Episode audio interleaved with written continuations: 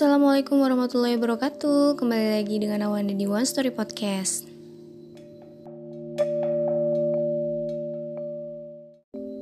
Aku baru-baru ini dapat kabar dari salah satu temenku Dia mengatakan bahwa dia positif terinfeksi COVID-19 Dan dia ini termasuk yang OTG atau orang tanpa gejala. Jadi dia tidak merasakan adanya gejala seperti demam, suhu badan tinggi, batuk ataupun sakit tenggorokan dan sebagainya tuh enggak. Dia beraktivitas biasa, lancar, sehat, layaknya orang sehat pada umumnya. Jadi makanya aku sempat kaget begitu dengar kabar kalau dia positif. Karena aku pikir dia itu orangnya sangat well prepare. Dia itu rapi, dia itu bersihan banget orangnya. Dan di tempat kerja ataupun di luar dia tuh selalu pakai APD lengkap lah. Kayak masker, face shield, dia juga bawa hand sanitizer ke mana-mana, dia bahkan punya semprotan disinfektan sendiri, dia bawa alat makan, alat minum juga sendiri gitu, dan pekerjaan dia juga kebanyakan WFH, makanya dia kalau datang ke kantor ya paling seminggu sekali gitu, seminggu dua kali, lalu kalau di rumah pun dia nggak bukan orang yang suka main-main ke mana gitu tuh enggak kumpul-kumpul juga enggak gitu. Lalu karena dia dapat tugas buat dinas keluar kota yang mengharuskan dia untuk naik pesawat akhirnya mau nggak mau dia harus swab test dong. Akhirnya dia ikut swab test dan di situlah ya bagai disambar petir ya dia dinyatakan positif COVID-19 FYI swab test itu harganya mahal banget jadi tergantung uh, berapa lama datanya mau dirilis. Jadi semakin cepat datanya itu dirilis maka semakin mahal. Kalau yang sehari itu bisa habis 3 jutaan kalau nggak salah. Nah ini uh, aku juga mohon maaf nih kalau ada salah kasih informasi. Tapi kalau yang namanya rapid test itu bisa dibilang dia itu kurang akurat. Karena rapid test itu hanya untuk menguji antibody. Jadi dia tidak bisa mendeteksi apakah ada tubuh eh apakah ada virus di dalam tubuh kita. Kalau mau mendeteksi ada virus yang masuk ke dalam tubuh kita, yang paling tepat itu memang harus dilakukan swab test gitu. Begitu hasilnya keluar dan dinyatakan positif, temanku tuh langsung yang blank. Antara bingung, gak percaya, khawatir, campur aduk. Nah dia bingung abis ini mau ngapain, abis ini harus gimana, gimana dia ngasih tahu ke orang-orang terdekatnya. Akhirnya dia dirujuk untuk mengikuti isolasi di salah satu hotel di Jakarta.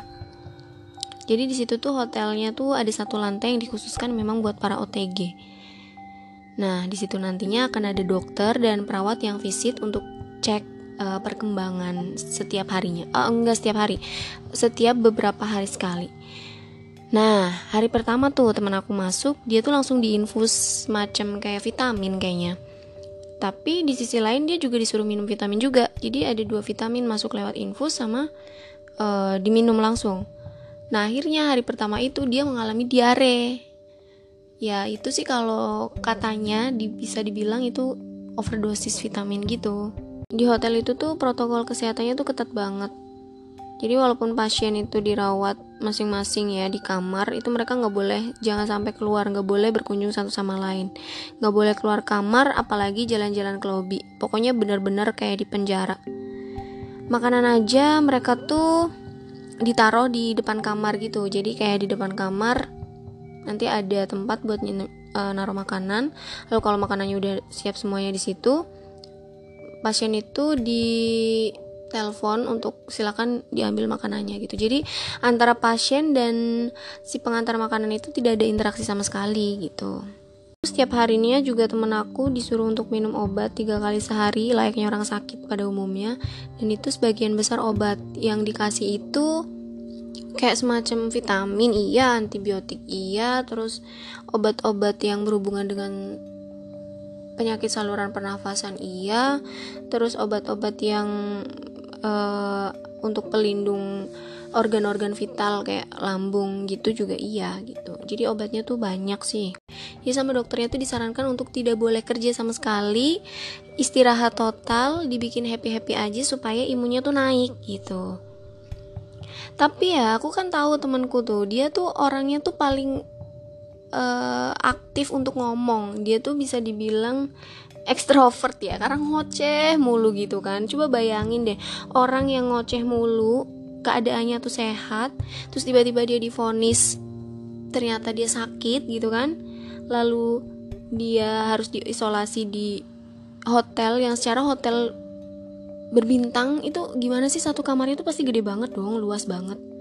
Dia sendirian yang biasanya ngobrol ngomong nggak ada yang diajak berinteraksi kecuali smartphone ya kecuali video call kayak gitu kan tapi kan nggak berinteraksi langsung sama orang itu tuh rasanya kayak yang dia sih ngakunya nggak stres tapi aku yakin stres sih stres karena kesendirian.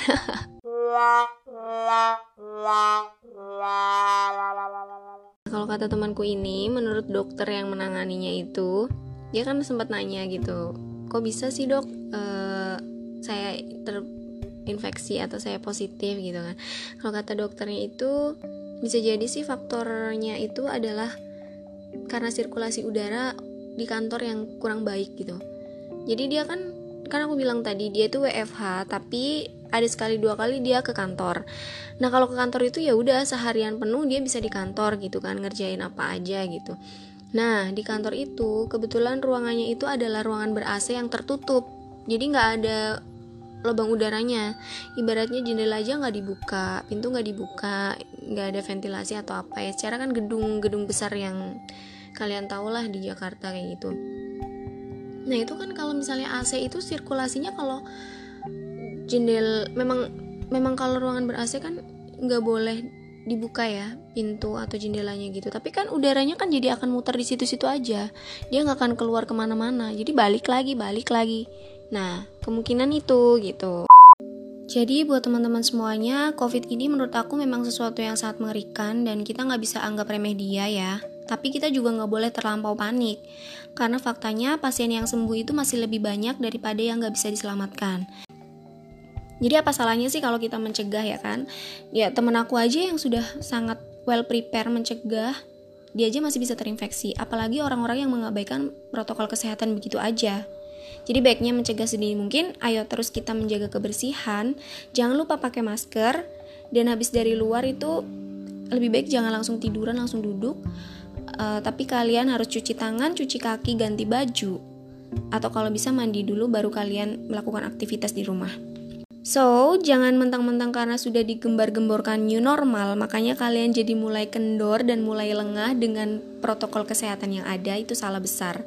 Kalian harus tetap konsisten menjaga uh, protokol kesehatan yang sudah kita lakukan. Jaga imun kita biar tetap stabil, jangan lupa untuk minum vitamin setiap harinya, jangan kecapean, dan juga jangan stres karena panik. Bagaimanapun juga, kalau kita tidak mengambil langkah yang serius atau menanggapi virus ini dengan serius, atau malah meremehkan virus ini, bukan nggak mungkin ya, angka kematian akan terus meningkat. Oke segitu aja yang bisa aku sampaikan hari ini.